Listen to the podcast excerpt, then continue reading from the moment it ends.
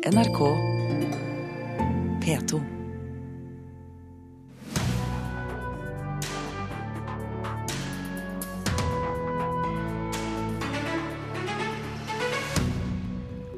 Oslo-politiet er forundret over at Kagge forlag ikke kontaktet dem før de ga ut boken av politimannen Eirik Jensen, som kom ut i går. Norske medier stenger kommentarfeltene sine altfor ofte, og samfunnsdebatten knebles. Det mener Norsk Presseforbund. Nord-Trøndelag Teater lykkes ikke med sin eh, oppsetning av Tsjernobyl-fortellinger, mener vår anmelder. Dessuten kan jeg fortelle at en av dagens deltakere i Fredagspanelet har bestilt lyden av en champagnekork i anledning et av sine svar, men jeg vil ikke avsløre hvorfor helt ennå. Kulturnytt får du med Birger Kolsrud Aasund i studio. Oslo politidistrikt sier de er forundret over at Kagge forlag ikke tok kontakt med dem angående boken om korrupsjonssiktede Eirik Jensen. Boken omtaler politiets arbeidsmetoder og ble presentert i går. Og med dette så gir jeg ordet til Eirik Jensen. Takk. Det var et voldsomt fremmøte. Jeg vet nesten ikke helt hvor jeg skal begynne, men eh, det er vel sikkert mange spørsmål rundt dette med å skrive bok, og spesielt eh, en eh, bok som på en måte løfter litt på teppet innad i politiet. Eirik Jensen forventa mange spørsmål på gårsdagens pressekonferanse, og nå kommer spørsmålet fra Oslo politidistrikt. Hvorfor ble ikke de kontakta om innholdet i boka 'Eirik Jensen på innsiden'? Vi er forundra, sier visepolitimester Gro Smågeli i en e-post til NRK. Eirik Jensen hadde vært politimester i 32 år da han i februar i fjor ble pågrepet og satt på glattcelle etter at navnet hans hadde dukka opp i forbindelse med etterforskninga av narkotiltalte Gjermund Cappelen. Jensen er suspendert fra stillinga si, men er fremdeles ansatt i Oslo-politiet.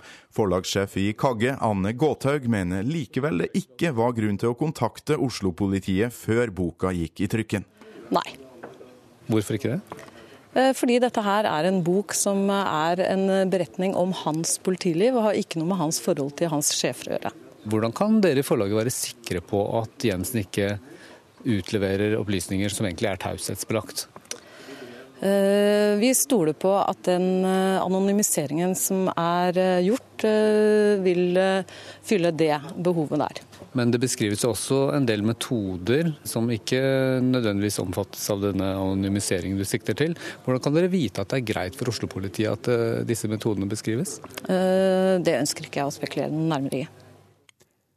Det sa forlagssjef i Kagge, Anne Gåthaug, til reporter Petter Sommer. Du hørte også reporter Torkil Thorsvik i dette innslaget.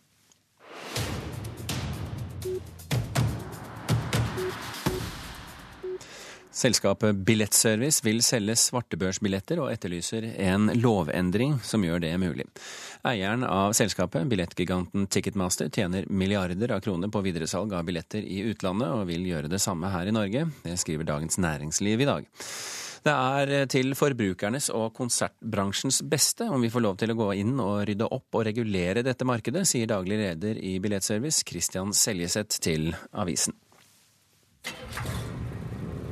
Jeg er ikke kommet hit for å preike, Roy. Herfra til Sinsen. Sinsen? Gardermoen, da. Trondheim. Nordkapp. Fjorårets mest sette film, 'Burning', ble i går tildelt publikumprisen under Trondheim filmfestival eh, Kosmorama. Det er kanonprisutdelingen eh, som var i går kveld. Eskil Vogt fikk prisen for beste regi for filmen 'Blind', og Ellen Dorrit Pedersen prisen for beste kvinnelige hovedrolle i samme film. Ole Giæver fikk prisen for beste mannlige hovedrolle i sin film 'Mot naturen'. Det ble for øvrig delt ut en rekke andre priser også, og er du interessert, så kan du gå inn på våre nettsider nrk.no kultur og lese om resten der. India Landet som ga oss verdens mest kjente og omtalte tekst- og bildbok om seksualitet, Kamasutra, de forbyr nå landets kinoer å vise Fifty Shades of Grey. Sensurmyndighetene har ikke begrunnet hvorfor de forbyr filmen, men sier at filmselskapet Universal Pictures kan anke beslutningen. Filmen, som er basert på boktrilogien ved samme navn, har spilt inn over 500 millioner dollar verden over siden premieren i februar, og ifølge VG-nett er Fifty Shades of Grey allerede forbudt i Malaysia, Indonesia og Kenya.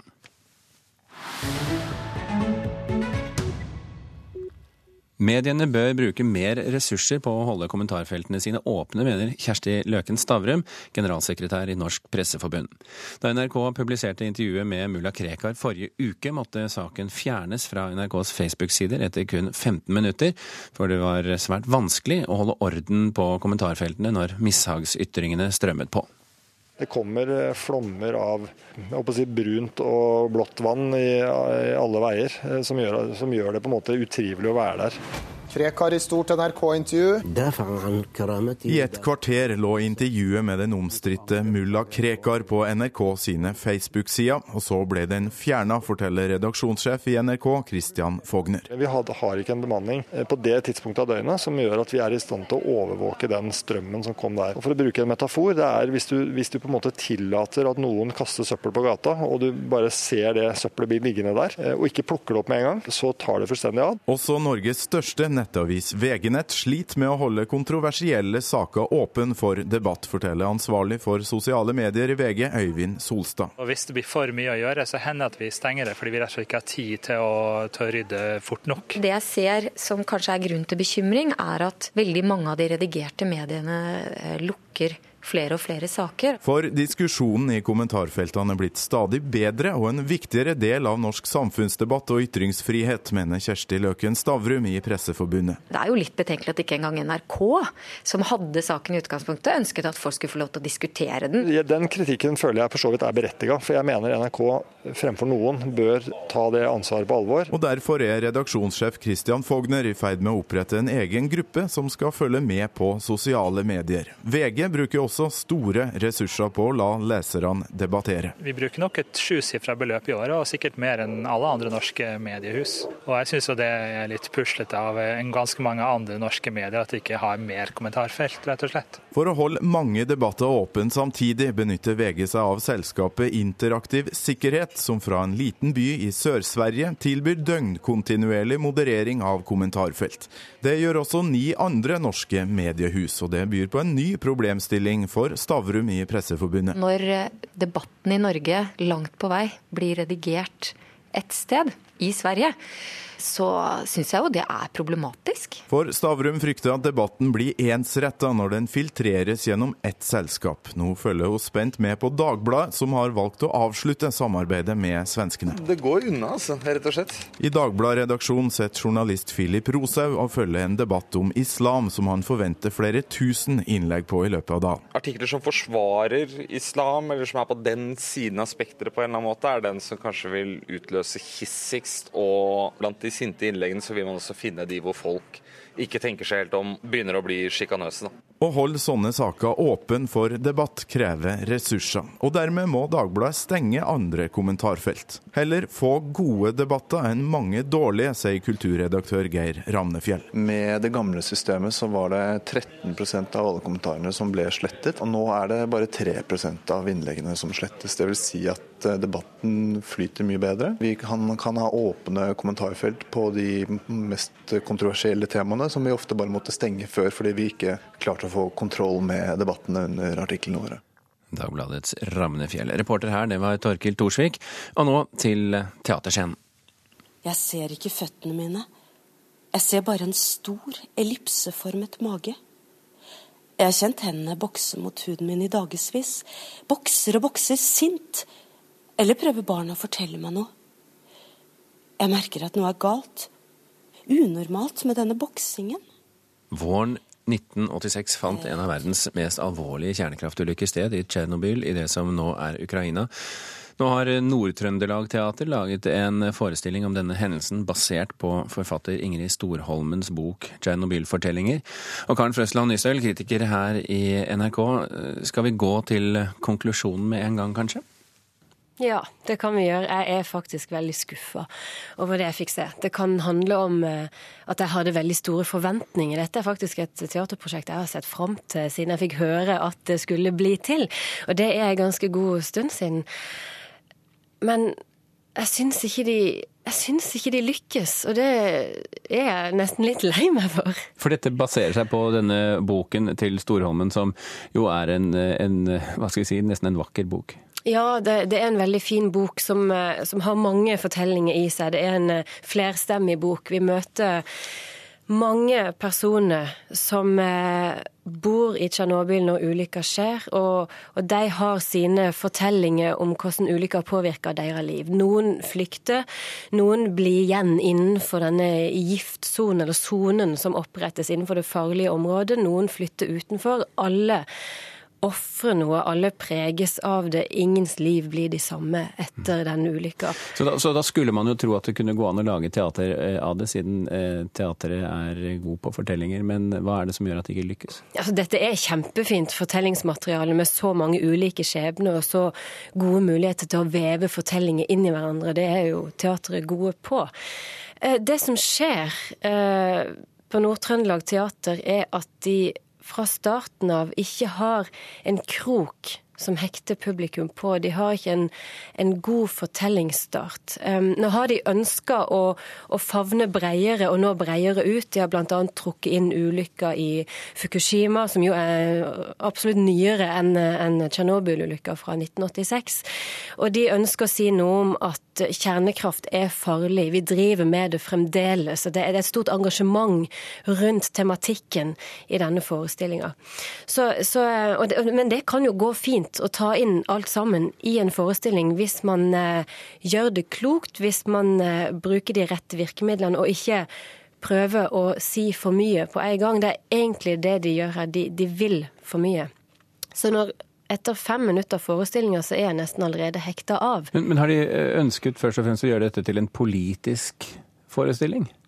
Det er mange politiske undertoner. Da Ingrid Storholmen skrev denne boka, så var det for å advare nettopp mot kjernekraft, og ikke For hun vokste opp i Verdalen. Hun lekte i det regnet som, var, som hadde med seg radioaktivt avfall i, i Midt-Norge. Hun og hennes søstre lekte i dette regnet. Hun er dypt engasjert i alt som har med, med dette å gjøre.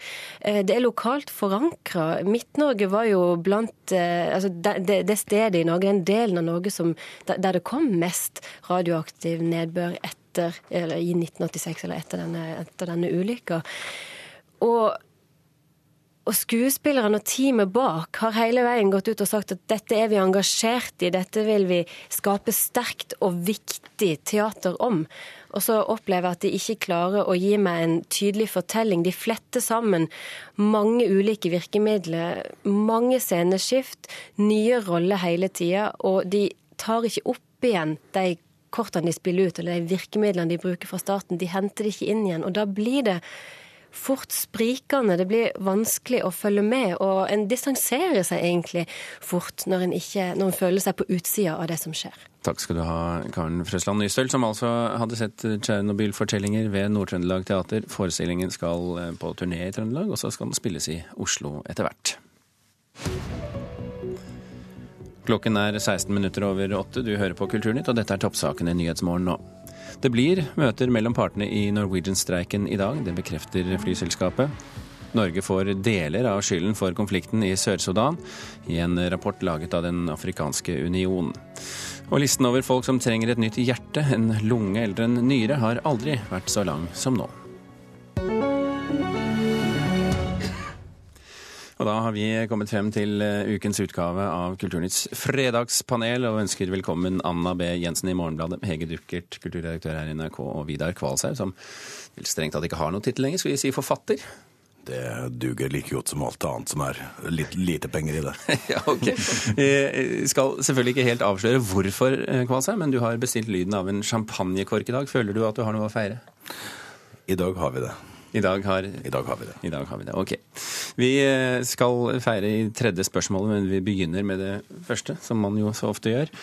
Politimann Eirik Jensens selvbiografi kommer mens han fortsatt er siktet eh, i en korrupsjonssak. Spørsmålet vårt er er det fare for at boken vil påvirke utfallet av en eventuell rettssak? Nei. Ja. Nei. Hvorfor eh, sier du ja, Jensen? Fordi jeg tenkte at de andre kom til å si nei. nei, altså um, Jeg tror ikke faktisk, Alltid i opposisjon. jeg tror ikke denne boka er, eh, skader eh, denne prosessen, fordi den er veldig offentlig og går for mediene, mer eller mindre. Men jeg mener jo rent prinsipielt at det er litt problematisk at mediene blir en sånn type hurtigjobbende domstol. Da. Nå er han bare siktet, han er ikke tiltalt engang. Og at eh, folk som er involvert i store eh, kriminalsaker, blir liksom kjendiser. Jeg, jeg bare, det, det må man jo bare av og til tenke at ikke er helt riktig. Nå var jo gjest Bårdsen også en kjendis allerede i sin tid, så, så vi får, vi får si at det er nok en, en, ganske gammel tradisjon at forbrytere eventuelt, Jensen Han er, jeg skal ikke si skyld eller ikke skyldig. Eh, Uten sammenligning for øvrig. Får si. få lov til å fortelle sin historie, og, og at mediene gjør ham kjent. Eh, nå har jo både forlaget og Erik Jensen vært veldig klare på at dette er ikke en forhåndsprosedering, og de har vel, så vidt jeg forstår, nesten ikke nevnt eh, saken i boka. Så dette handler altså om livet opp til siktelsen. Kanskje vi skal ta med at du har hatt med Kagge forlag å gjøre? Ja, men det er så lenge siden at eh, Erik Jensen bare var en fyr som drev og deala med HA og andre gjenger på gata som ingen visste navnet på den gangen. Jo da, men vi, vi tar det med likevel. Hege Duckert. Ja, nei, Jeg er enig i det. fordi jeg tenker at det er noe med størrelsen på denne saken. Altså, Uansett så er jo dette en kjempeskandale. Altså, Hvis det er sånn at den eh, beste politispaneren er korrupt, så er det en enorm skandale at, at det ikke har vært oppdaget tidligere. Hvis det er sånn at han er uskyldig, så er det en enorm skandale hvordan han er blitt tenkt ut i tøyt og hvordan han er blitt behandlet. Sånn at det at han har behov for å fortelle eh, sin historie eh, i forhold til den enorme mediedekningen unnskyld, som har vært, det syns jeg ikke er så rart. Og jeg har også merket meg det at han i hvert fall sier at han ikke forhåndsprosederer forhåndsprosederer, og at anmelderne sier at det lille som måtte være, det er den svakeste delen av boka. Eh, jeg for min del er jo mest interessert i det som sier noe om hvordan Oslo-politiet jobber. For det er jo noe vi hører veldig lite om. Og der kan man jo si at det er et samfunnsaspekt. At det å få vite noe mer om hvordan de arbeider, det kan være tjenlig for offentligheten. For denne boken, Anna B. Jensen, den var jo påtenkt lenge før han ble siktet for disse korrupsjonssakene? Ja. Og som sagt, jeg er helt enig i at denne saken er så stor at den bør omtales eh, i mediene. Det er, ikke, det er ingen tvil om det, altså. Og den boka har jo også en veldig god Eller hva skal jeg si, han har en, et godt politisk poeng i boka si. At uh, politiet sitter for mye bak uh, pultene sine og bør være mer ute med sko på. Eh, men, eh, og, og, han har også, sånn som jeg bare bladde litt i boka, det er liksom bare første og siste kapittel som handler litt om denne saken. Så, og han er jo i en enorm sånn eh, Påtalemyndigheten, eller Spesialenheten, lekker jo hele tiden på en måte hva de mener han har gjort. Så selvfølgelig må han svare da. Det er bare mer det at mediene blir en domstol. Jeg tenker at man og det har de vært. Har du lest Morgenbladet for 100 år siden, så kan du se.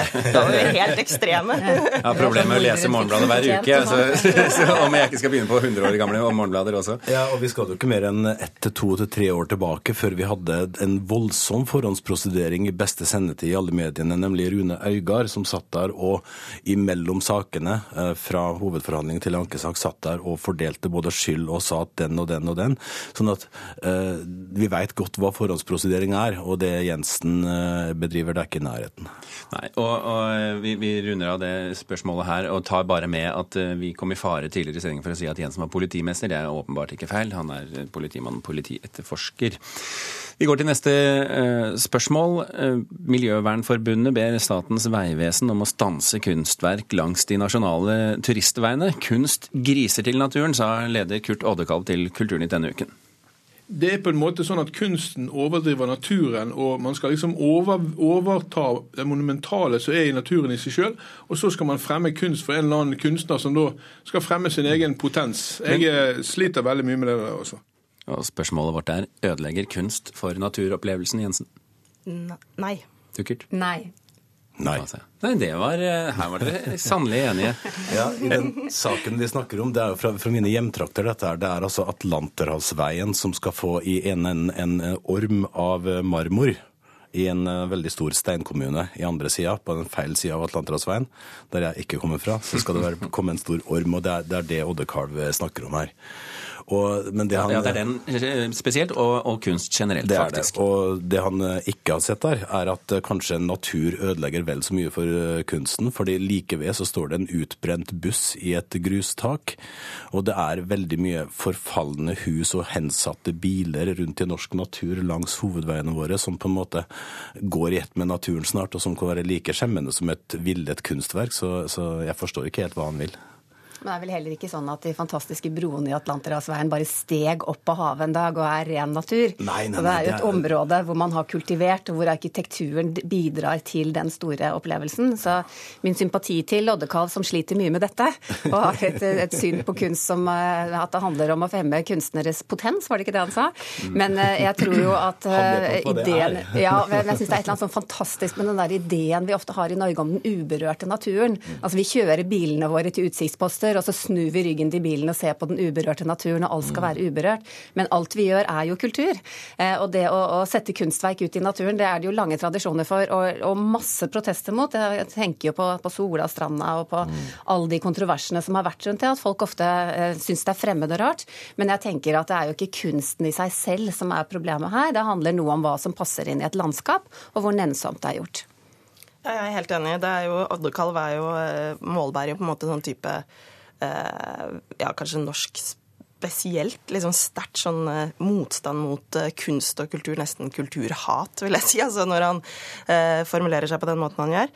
Og eh, de turistveiene, nasjonale, det prosjektet, et fantastisk prosjekt hvor noen veier som kunne være stygge og kjedelige og ha kjedelige, stygge rasteplasser, har blitt liksom attraksjoner i seg selv. Da.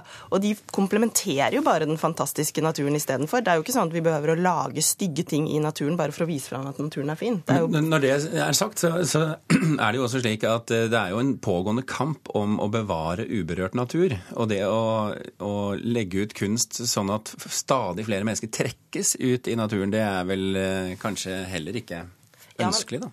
Ja, men det, jeg tenker det er stor forskjell på å på en måte verne naturen i en nasjonalpark og si at bare gå på disse stiene, f.eks. Det er det er for mange folk ute i denne nasjonalparken. Det blir problemet for dyrene. Men dette er en marmororm da, som skal ligge ved siden av en vei. Altså, det er en vei ved siden av.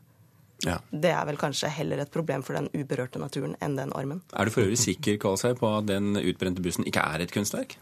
Det er jeg helt sikker på, for det, det er en del utbrente busser og en del russebusser hensatt. og Det vil vi jo se nå etter hvert når russetida er over. så Vi ser dem overalt. og det, det, Jeg tror det vi som ikke er kunstfaglig sterke, setter igjen i såkalt uberørt natur, er et større problem enn det kunstnere og fylkeskommuner og utbyggere gjør.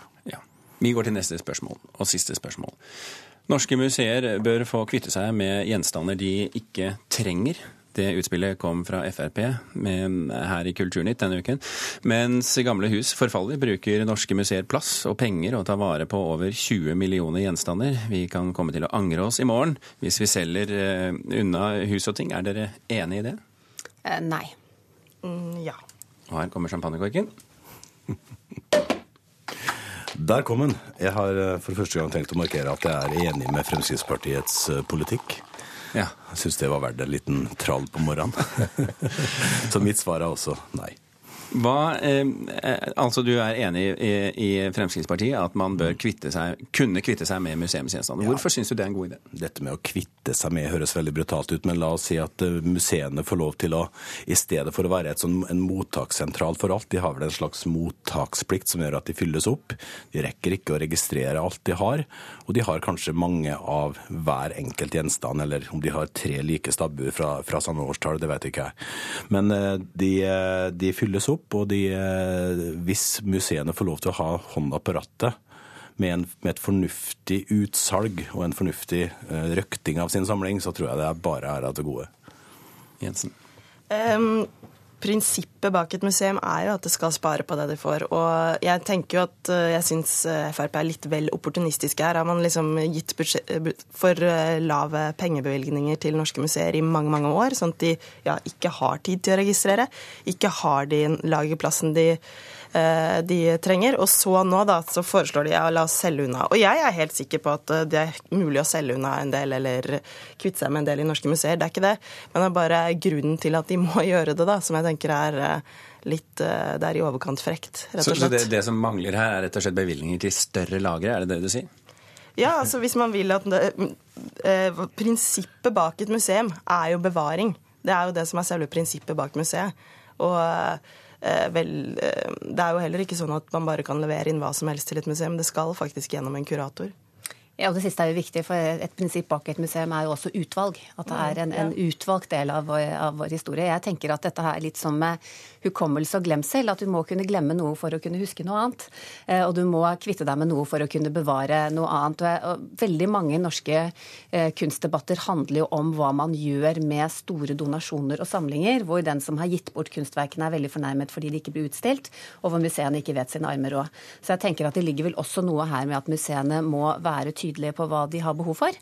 Eh, hva som er til fellesskapets gode, og hva som kanskje har kjempesterk betydning for noen, men ikke for samfunnet. Men når, når museene selv og museumsbransjen selv gir eh, signal om at de godt kan kvitte seg med en del ting. Og vi vet jo også samtidig at en rekke mennesker som har privat eh, samlinger av, av eh, kulturminner, gjerne vil få lov til å, ta det i bruk. Er ikke det en god idé å slippe opp litt på regimet? Jeg vil jo tenke at Det viktigste er at det kommer samfunnet til gode. altså At man først sørger for er det noen andre steder i offentligheten det kan brukes, før man går eh, så langt som å dele det ut til enkeltpersoner.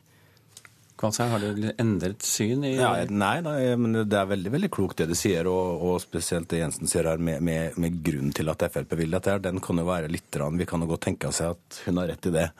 Men eh, jeg tenker at eh, det, det, skader ikke å røkte samlinger, og vi har jo vært veldig flinke her i landet til å ta vare på en del ting. Eh, og hvis museene sjøl får gjøre dette her, i samråd med myndighetene, så, så går dette greit. Det er en glede å se at selve, eh, selveste Vidar Kvalstad er enig med Frp. For første gang. Kanskje er det heller ikke siste. Uansett, tusen hjertelig takk for at du var med i Fredagspanelet. Takk også til Anna B. Jensen og Hege Duckert. Eh, vi eh, runder av Kulturnytt med dette. Vi bare minner om at Fredagspanelet kan du få på podkast hvis du er av den typen. nrk.no podkast gjør du for å få tak i det. Mari Janne Myrhol, Andrea Kvamme Hagen og Birger Berger Kolsrud Jåsund takker for følget. Snart er det mer nyheter for Nyhetsmorgen. Hør flere podkaster på nrk.no podkast.